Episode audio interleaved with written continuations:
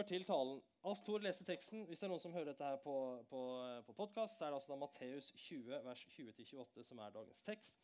Um, og I forkynnelsen den våren her så følger vi disiplene og Jesus fra de begynner, altså Vi begynte i januar, og da begynte vi liksom å følge disiplene og Jesus på deres vandring mot påske og Jerusalem.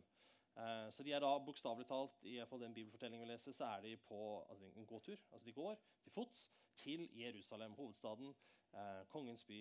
De skal dit for å feire påske. Og Så skal vi også følge disiplene etter påske, etter Jesu døde oppstandelse, fram mot pinsedag. Og så er det sommerferie. Så Det er liksom forkynnelsen denne våren her. Og målet med å gjøre dette her, Vi har valgt ut noen tekster, um, og vi stiller to spørsmål til disse tekstene. Det er, Hva forteller denne teksten oss om Jesus? For jeg tror at Ved å bli bedre kjent med Jesus så blir vi bedre i stand til å få en dyp relasjon med ham. Og så Det andre spørsmålet vi stiller, det er hva sier denne teksten om etterfølgelse? Og jeg tror det gjør oss bedre i stand til å følge etter han i dag. All right. Så Matteus 20, 20-28. Um, det som på en måte skjer, eh, liksom, eller Konteksten til den tekstsnutten som, som, vi hørte lest, det er at eh, de har nå lagt ut på altså Jesus og disiplene, de har lagt ut på siste etappe eh, mot Jerusalem. Eh, I versene rett før så står det at nå liksom satte de kursen mot Jerusalem. Nå er det dit de skal. Um, det nærmer seg påske. Um, og da, som nå, så var det en ordentlig høytid. Skikkelig fest og høytid.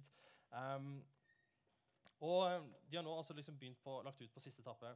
Rett i forkant av den teksten så eh, har Jesus for tredje gang forutsagt sin egen død og oppstandelse. Altså I de to versene rett før dette her, så sier Jesus at jeg, altså når vi kommer til Jerusalem, så kommer jeg til å bli tatt til fange, jeg kommer til å bli pint, jeg kommer til å bli drept, og jeg kommer også til å stå opp igjen. Um, Jesus forbereder disiplene på det som kommer til å skje. Og Han har nå flere ganger blitt kalt Messias. Det er flere som liksom har begynt å liksom, ja, Kanskje er du Messias, er du den som vi venter på? Um, det begynner å spre seg en forventning om at Jesus er han som skal, altså blant jødene som er han som skal gjenopprette kongedømmet og fri dem fra romerne. Så det begynner, Sannsynligvis er det mange flere mennesker enn bare Jesus og de tolv disiplene. Det er en hel liksom, følgerskare med mennesker som følger etter ham. Um, og de har nok en ganske sterk forventning om at nå skal det snart skje noe. Um, på en måte i um, eller Blant jødene så var det en forventning om at uh, Messias, måte, redningen til det jødiske folket, han skulle stå frem ved påske i Jerusalem. Og det var det som nærmet seg. Så jeg antar at det var ganske spent liksom, stemning i den flokken som følger Jesus. Og så kommer vår tekst, som er en ganske stor krasj med de forventningene folk hadde til hvem Messias var. Det er en samtale, og det er en samtale i to deler. Og I den første delen så er det en spørsmål om posisjon. Det er altså to brødre og moren deres som spør Jesus om de kan få en litt opphøyd posisjon i hans rike. Og I den andre delen av samtalen så bruker Jesus den, det spørsmålet til å undervise om hva storhet egentlig er. Så det Vi skal gjøre er at vi skal gå gjennom teksten, og så skal vi svare på de to spørsmålene. Hva sier dette her om etterfølgelse av Jesus, og hva sier dette her om han? Så, Første delen det er altså da vers 20-24. Vi får vite at uh, Den første delen av samtalen er mellom uh, to stykker som kalles Sebedeus-brødrene. Det er altså da to gutter eller to menn som heter Jakob og Johannes, to av disiplene til, til Jesus. Og så er det moren deres og Jesus som har denne samtalen.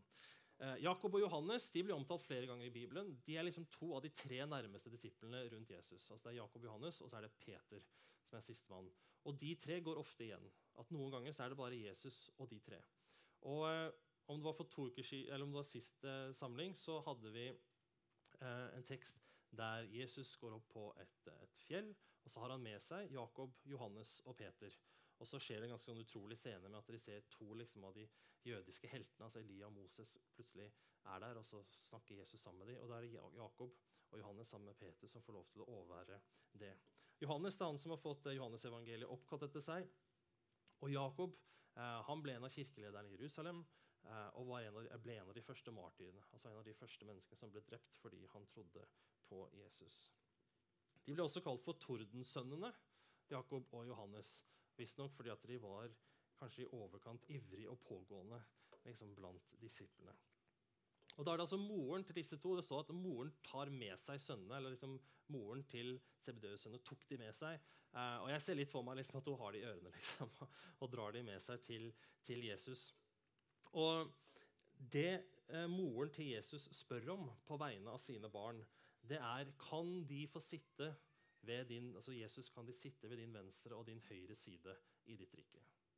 Venstre- og høyresiden, altså ved siden av, så nærme Jesus som mulig, det var hedersplassene Altså det var sånn at De som satt nærmest kongen, det var gjerne de som var liksom nest mektigst, nest viktigst i kongeriket. Og det moren til Jakob Johannes ber om, er kan mine barn, kan mine to gutter, få den posisjonen når, du, liksom, når vi kommer til Jerusalem, vi kommer til påske, og du oppretter ditt rike. Liksom, når det skjer, kan de få liksom, hedersplassene. Kan de få hedersplassene. Um, jeg, sett, jeg, ser veldig lite på sånn reality-TV.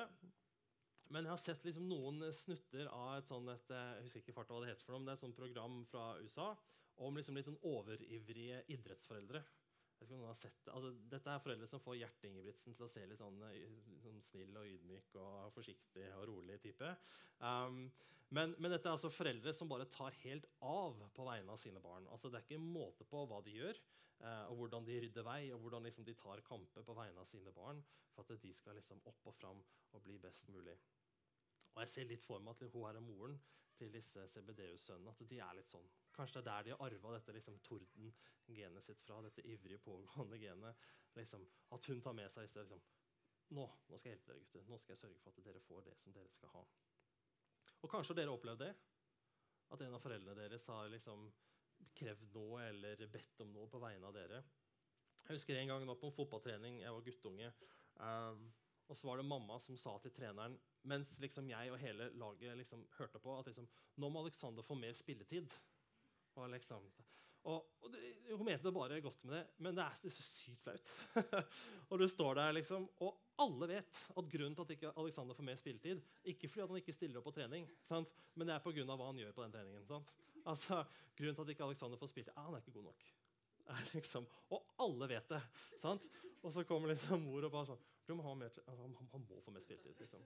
Um, eller kanskje du er en sånn forelder sjøl som har liksom brøyta litt vei for dine barn. Um, eller kanskje du har vært en som har sett en sånn en forelder.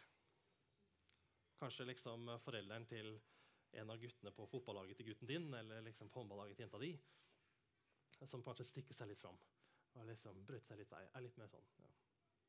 Jeg har en svigerfar som, som, ikke er sånn. Uh, men, men uh, Jeg elsker min svigerfar. En fantastisk mann. Altså. Men han, han, liker ikke sånne folk. som liksom stikker seg litt ekstra fram og liksom, kanskje litt urettmessig og tar plass på, liksom på bekostning av noen andre. Men altså moren til disse som spør. Og mens de venter i spenning på liksom, hva, hva Jesus svarer, da. Altså, dette er jo helt reelt for dem. Dette er ikke en sånn nå snakker vi om noe som egentlig ikke betyr noe. Altså, dette her er en helt reell, superviktig problemstilling for moren og Jakob og Johannes. Dette, det er ikke likegyldig hva Jesus svarer dem på dette her. Det er ikke sånn liksom, ja, hvis det passer, liksom, kan vi sitte der ved siden av. Altså, dette, dette, er, dette, er, ordentlig, ordentlig viktig.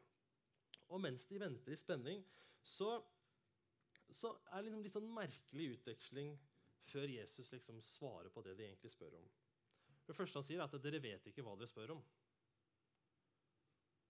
Altså, dere, jeg hører dere, men dere aner ikke hva dere ber om. Det er det første Jesus sier. Og så sier han, kan dere drikke av det begeret som jeg skal drikke av?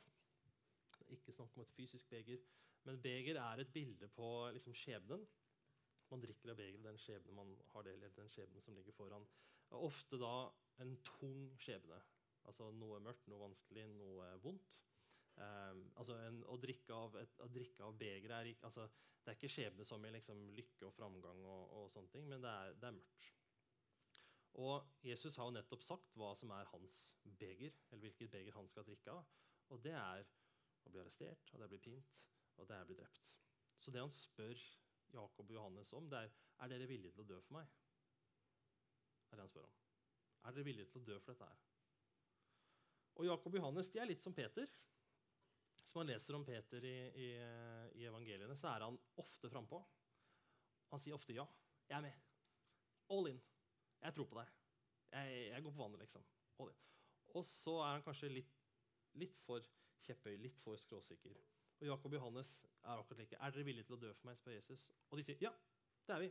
Vi er villige til å drikke av det begeret som du skal drikke av. Liksom, det skal vi. Og så sier Jesus ja, det, det skal dere virkelig. Og liksom det virker for meg som om Jesus liksom, i det han sier, ja, det skal dere, at han tenker liksom, men dere vet ikke hva dere ber om. Liksom. Dere sier ja. Dere sier ja til at dere vil dø for meg. Dere sier at dere er villige til liksom, å gå all in på dette her. Men dere vet virkelig ikke hva dere ber om. Altså. Dere vet virkelig ikke hva dere ber om. Men dere skal få se hva det er. Og Så avslutter Jesus med litt sånn merkelig greie. Han sier dette er ikke på mitt bord. Det er ikke jeg som bestemmer hvem som sitter hvor. Det er det bare far, altså Gud, som bestemmer. Og Samtalen kunne på en måte fort vært slutt der. Kan vi få sitte ved siden av deg? Liksom. Uh, det er ikke jeg som bestemmer det. Det er bare far som, setter far som bestemmer hvor, eller hvem som skal sitte hvor. Og så kunne samtalen vært slutt. og så var det så var det, det. Men så viser det seg at det er disse andre disiplene de hører jo Jakob og Johannes og moren til, til de som liksom prøver seg på dette. Um, og de reagerer. De blir sinte, står det. Um, og hvis ikke du har vært en av de som liksom, kanskje er den som stikker seg litt fram, kanskje du er en av de som er litt mer som meg, som blir litt sånn fort irritert på de som stikker seg litt fram. Uh, det er ikke en god egenskap. altså bare så det er sagt. Um, jeg kan kjenne noen ganger at, at jeg, kan, altså jeg, kan, fyre meg så sykt opp uh, hvis jeg møter noen som liksom kanskje tar, det, tar det jeg opplever, da, som for stor plass. Kanskje, på, og kanskje spesielt hvis det er på kosting av noen andre. I fall det jeg forteller meg selv, for å liksom rettferdiggjøre det sinnet litt. At uh, de stikker seg fram, og da er det noen andre som lider. Liksom, så da er det greit at jeg er sint og sur. Uh, men det er ikke nødvendigvis sånn. altså.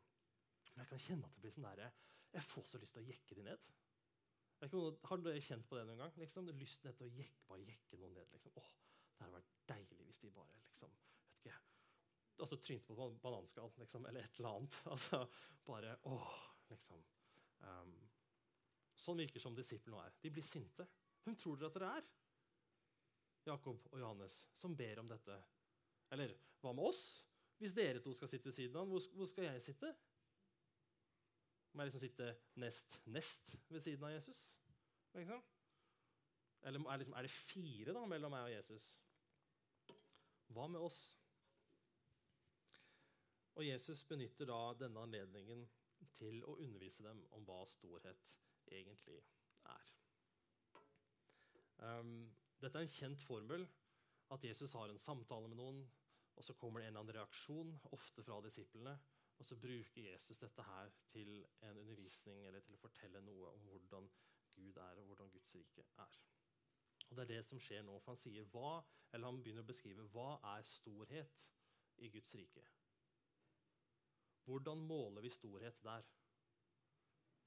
Jeg skal bare fortelle litt kort om Guds rike. Det er jo et begrep som blir brukt av kristne om veldig mye forskjellig. og Det slenges rundt det hit og dit, noen ganger kanskje litt uten å tenke gjennom hva det egentlig betyr. Um, så mitt inntrykk er at, i dag, at liksom, å bruke Guds rike som et altså det, det, kommuniserer ikke spesielt godt. Så jeg skal bare si noe kort um, om Guds rike. For du har Guds rike som ligger der framme. Altså nå tenker jeg i tid. Guds, Guds, rike som ligger der framme. Og Det er det vi ofte i dagligtale kaller for himmelen, eller paradis. Eller. Og det er, da, det er der framme, men ikke der borte. altså det er her. En dag så kommer Jesus igjen, tror vi. Og han Ikke tror vi, men tror vi. Um, og han skal skape en ny himmel og en ny jord. Altså der vi lever nå. Denne kloden, dette liksom skapverket, skal skapes nytt. Og det er her vi skal være. Vi skal ikke liksom rykkes bort til en helt annen plass. Vi skal, vi skal være her. Himmelen er her. Eller blir her. Og der skal Gud regjere, og hans vilje skje. I Guds rike så er det Gud som regjerer, og det er hans vilje som skjer. Og Vi får noen beskrivelser av hvordan det er i Bibelen. I Johannes' åpenbaring står det bl.a. at der er det ingen tårer, det er ingen smerter, det er ingen skrik, og det er ingen død. All synd er overvunnet, all ondskap er forbi. Sånn er det i Guds rike. Det er det kristne håpet.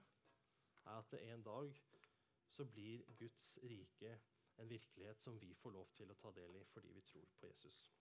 Guds rike der framme. Men så har du også Guds rike her og nå. Og Dette er liksom favorittemaet til Jesus. Han går rundt og forkynner om liksom, Guds rike er nær. Venn om Guds rike er nær. Guds rike er nær, Guds rike er nær.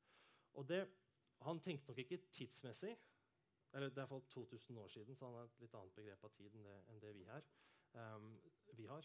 Så jeg tror ikke han snakker så mye om at det er lenge til. altså Guds rike er nær. Det er ikke det at det er, liksom, det er kort tid til det kommer. Men at den fremtidige virkeligheten den måtte bryter inn i vår virkelighet. Litt som at hvis Det er altså det er ikke vanskelig hvis du, bodd, hvis du bor i Kristiansand å forestille seg en grå himmel. Men hvis du har en grå himmel, og så bryter liksom sola gjennom litt Du ser ikke hele sola. Det er fremdeles skyer. Men det kommer allikevel noe lys og noe varme. Guds rike her og nå, det, altså Guds virkelighet liksom bryter gjennom i vår virkelighet. Og Teologene kaller dette her for nå, men enda ikke. Så Guds rike er her nå, så er det ikke fullt og helt enda. Vi får en smakebit av det. For det er ikke altså, bare se rundt oss. Vi ser masse urettferdighet i verden i dag. Samtidig så skjer det også godt. Det er ikke bare urettferdighet. Det fins også mennesker som kjemper mot det. Hvis du ser rundt oss, det, altså det er ikke mange nyhetsartikler du må lese før du innser at det er ganske mye ondskap her i dag. Jeg leste en, et debatt, eller sånn, uh, leserinnlegg uh, på morgenen i dag av en som hadde blitt utsatt for incest liksom, i barndommen. Faren som hadde voldtatt henne. Grusomt. Og Samtidig så finnes det også mennesker som gjør godt. Som måtte legge vekk alt for å hjelpe de som trenger det. Det finnes masse smerte i vår verden i dag. Og så finnes det også noen mennesker som blir friske. Det finnes også mennesker som opplever at noe vondt blir snudd til noe godt. Og synd er heller ikke borte. Og Allikevel er det mennesker som prøver etter beste evne å følge etter Jesus. Så Guds rike er nær, men det har ikke kommet fullt og helt enda. Og i dette riket, i Guds virkelighet, der defineres storhet annerledes enn i verden. Annerledes enn i Jesus sin samtid, og annerledes enn i vår. For det er ikke den som hersker over mest, eller den som måtte hersker over flest, som er stor i Guds rike. Det er ikke den som har mest makt, eller har mest innflytelse, eller har mest penger, eller har liksom størst posisjon, som er stor i Guds rike. Det er ikke den som er toppleder. Det er ikke Adam Dirne i vår verden som er de store i kraft av å være toppledere. Og det er ikke pastorene som er de store heller, fordi de er pastorer. Det er ikke den som har mye, som er størst. Jesus han snur opp ned på det hele. Og igjen så tror jeg at han liksom tenker eller liksom, Dere vet ikke hva dere ber om, folkens. Når dere ber om å liksom komme nær meg for å være store. Liksom, det, det, er ikke sånn det er. Men i Guds rike så er storhet tjeneste, beskriver Jesus det sånn. For å bli stor så må du bli en tjener, sier han. Hvis du vil bli først, så må du bli en slave. Hvis du vil bli stor, så må du først bli liten. Hvis du blir, hvis du blir først, så må du først bli sist. Du må opphøye andre og tjene andre. Sånn blir man stor. Det måles ikke ut ifra hva du har, men hva du gjør med det, og hvem du gjør det for. Hva sier denne teksten om å følge Jesus? Jeg tror denne teksten her utfordrer også i dag. Altså Teksten der Jesus beskriver, hva, altså beskriver, hva, storhet er, hva tjeneste er, tror jeg utfordres også i dag.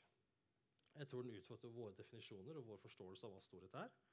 Hvis man ser på verdenssamfunnet vårt og hvordan liksom det har blitt sånn som det har blitt, altså ser land og måte, sammenslutninger av land som konkurrerer om innflytelse, konkurrerer om makt, konkurrerer om rikdom, konkurrerer om naturressurser, konkurrerer liksom om posisjon for å få mer posisjon og mer rikdom og mer innflytelse og mer makt og større tilgang på naturressurser. Og man er villig til å på en måte kjempe for å få mer på bekostning av den andre. Det går helt greit. Sånn er verdensordenen i dag. Vi kjemper hele tiden etter mer. For nå, altså Borgerkrigen i Syria har pågått i åtte-ni år nå. Og Jeg har fremdeles til gode å se et land som går fram og sier vet du hva, vi driter i vår posisjon i verdenssamfunnet. Vi går all in, og så hjelper vi de menneskene der. Og Hvis det svekker vår innflytelse i verdenssamfunnet, så er det greit. Eller hvis det svekker på en måte våre, våre forhandlingskort da, når vi skal forhandle nye liksom, eh, handelsavtaler eller, eller, andre ting, så, så, gjør vi det. Det er greit, liksom. Jeg har til gode å se et land som gjør noe sånt. Jesus sier ikke at det er galt å være stor, eller at det er galt å ha makt, eller galt å ha penger, eller galt å ha posisjon og innflytelse, men han, sier, han utfordres i hvordan vi bruker det. Bruker vi den innflytelsen for å beholde den, eller bruker vi den for å tjene noen andre? Selv om det kanskje betyr at vi mister den. Og Jesus sier til sine følgere, til sine disipler, til kirken, at blant dere så er det tjeneste som skal gjelde. Dere skal ikke være sånn. Dere skal ikke være sånn at i kirken og blant de kristne i fellesskapet, blant de som tror på Jesus Det skal ikke være sånn at det skal være kamp om plassene. Kamp om posisjonene. Og dessverre så har vi nok av eksempler av det i kirken. Alt fra hvor man sitter i kirkesalen, f.eks. De frommeste sitter forrest, liksom. Kvinnene kanskje sitter utenfor. Ja, det er noen som ja, vi har det sånn her òg. Nei da. Um, Men vi, vi har gjort, det har også blitt gjort skiller og blir gjort skiller i kirken. Og Jesus, det, er ikke det, det er ikke sånn det skal være her. Her er det tjeneste for hverandre som gjelder. Jeg kjenner en, eh, en kar som heter Johannes Bø. Johannes Bø, det er kanskje noen av dere som kjenner Han nå. Han, han var med i Hånes misjonskirke før Hånes misjonskirke var Hånes misjonskirke. Altså han var med liksom i den oppstartsgruppa helt, helt, helt i begynnelsen. Johannes Bø han er ett år yngre enn meg. Han er 29 nå. Og, eller fyller 29 år. Han er fra Varhaug, en jærbu. Uh! Og han, han, Jeg fikk lov til å studere sammen med han på Ansgar. Og, og, Johannes han introduserte, Første gang jeg traff han, så introduserte han liksom, jeg heter Johannes Bø. Og så klarte jeg så vidt å liksom skjønne at han sa at han var en kassedame på Spar. Det var liksom, det var, det var Johannes. Liksom. Han var kassedame på Spar. Det var Johannes. Uh, og vi andre var liksom, ja, jeg studerer teologi, jeg skal bli pastor. og liksom sånne ting. Så, nei, jeg kasta han på spar. Det var liksom hans måte å investere seg selv på. Og så fant vi senere ut at det var han som drev hele butikken. Eller var faren som drev butikken, han var syk. så er det Johannes som drev hele butikken. Og, um, men Johannes er en type jeg tenker på når jeg tenker på å tjene andre. Han satt veldig ofte andre mennesker først. Også når det gikk på bekostning av han selv. Um, og det er flere ganger han gjorde det for, for meg eh, opp gjennom studietida. Eh, og jeg har ofte sagt at eh, grunnen til at jeg har en bachelor i teologi, er pga. Johannes. Eh, han leste, og jeg sto på eksamen. det var en fin, en fin deal. Men eh, Johannes han reiste bl.a. mye til Nord-Norge. Det var en periode han reiste til Nord-Norge. Liksom, tok ferien sin, brukte fri, brukte penger på å reise til Nord-Norge. Ikke for å liksom skape seg selv et navn, men for å støtte kristne ungdommer i Nord-Norge. For det er ikke så mange av dem der. Så jeg reiste opp, liksom. ok, Nå tar jeg tre uker, så betaler jeg det det koster for å være der. Og så reiste jeg opp, og så skal jeg bare være støtte for dem. Liksom. Jeg skal ikke bli noe liksom, stort navn eller jeg skal ikke liksom, få noe cred. Jeg skal bare opp, og så skal jeg være der for dem og hjelpe dem så godt jeg kan. Jeg tenker mer av det. Mer av det. Jeg tror tjeneste, eller kallet til tjeneste utfordrer oss også i dag. Og hva sier dette om Jesus? Ja, Det er farlig for en pastor å si at man går inn for landing, men jeg tar sats og sier at vi gjør det. Altså, Jesus han var radikal i sin samtid. Det er det ingen tvil om. Eh, han brøt blant annet, altså, en ting er at han brøt med forventningene som jødene hadde til Messias, men han brøt jo med måte alle konvensjoner for hvordan man skulle behandle folk på sin tid. Um, han opphøyde barn, f.eks. Altså I kapittelet før, i Matteus 19, um, det er der vi kan lese om at det var noen som prøvde å liksom, barn, bære barn fram for Jesus. og så der liksom, Disiplene til Jesus, da, hans nærmeste, sier, som stopper dem. Og så sier Jesus nei, nei, nei, nei liksom. kom fram. Han tar dem på fanget, han snakker med dem, underviser om dem og så bruker dem som eksempler på hva man må bli som for å komme inn i Guds rike. Han gjør bokstavelig talt de minste til de største.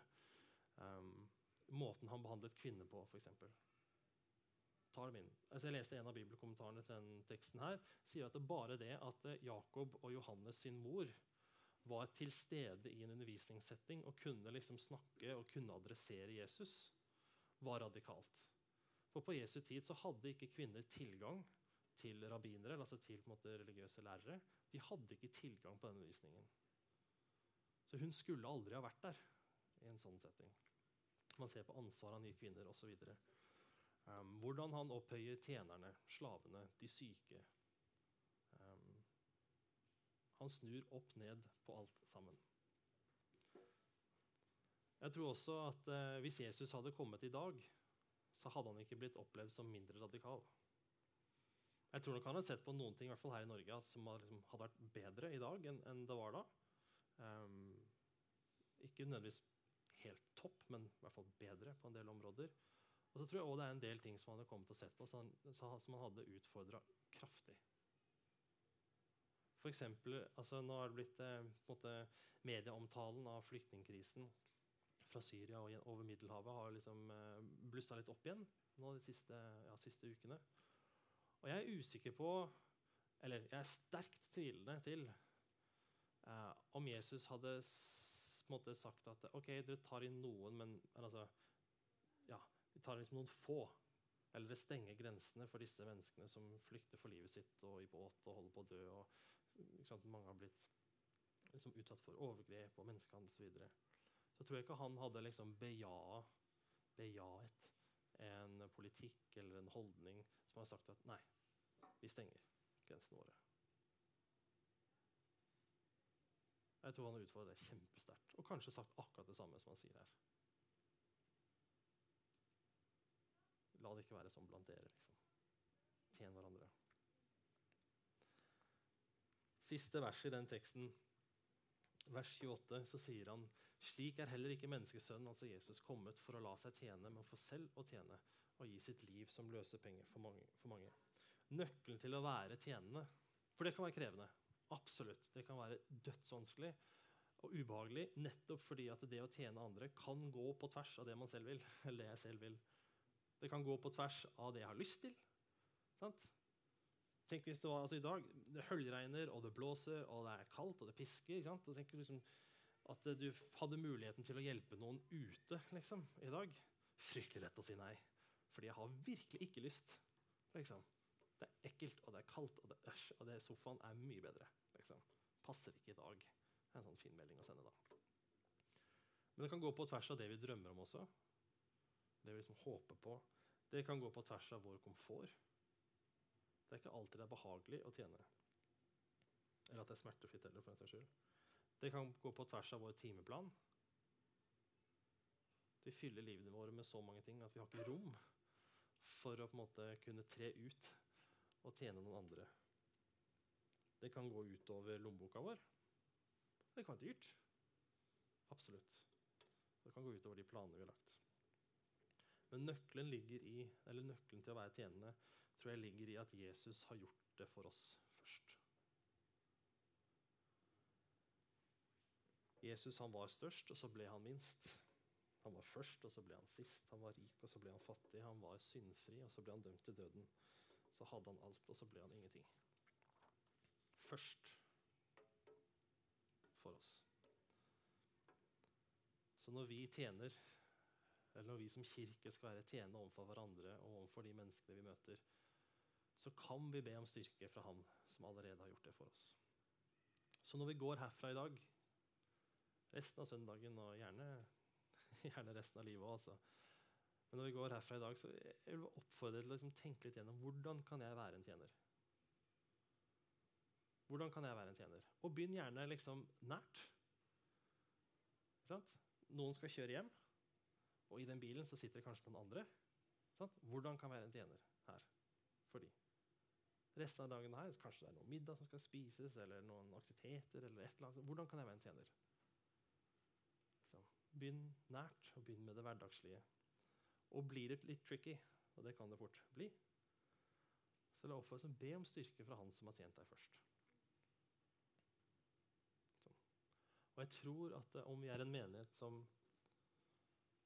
fortsetter å tjene, og tjene hverandre, tjene de menneskene som vi møter, at det er det først og fremst sånn vi møter mennesker.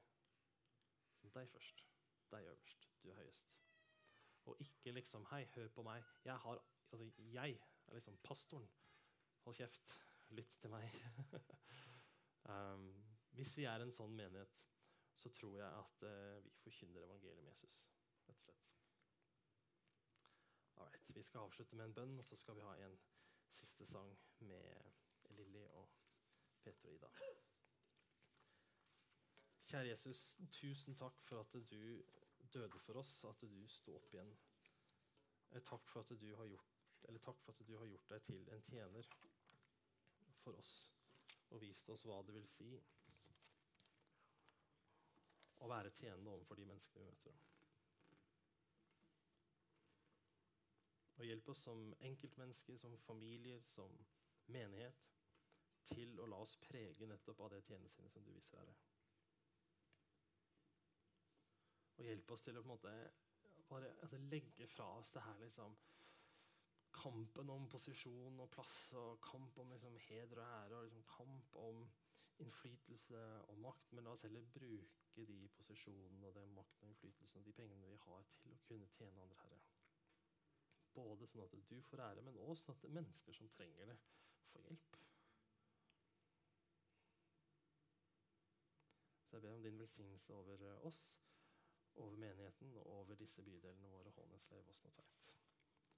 Amen.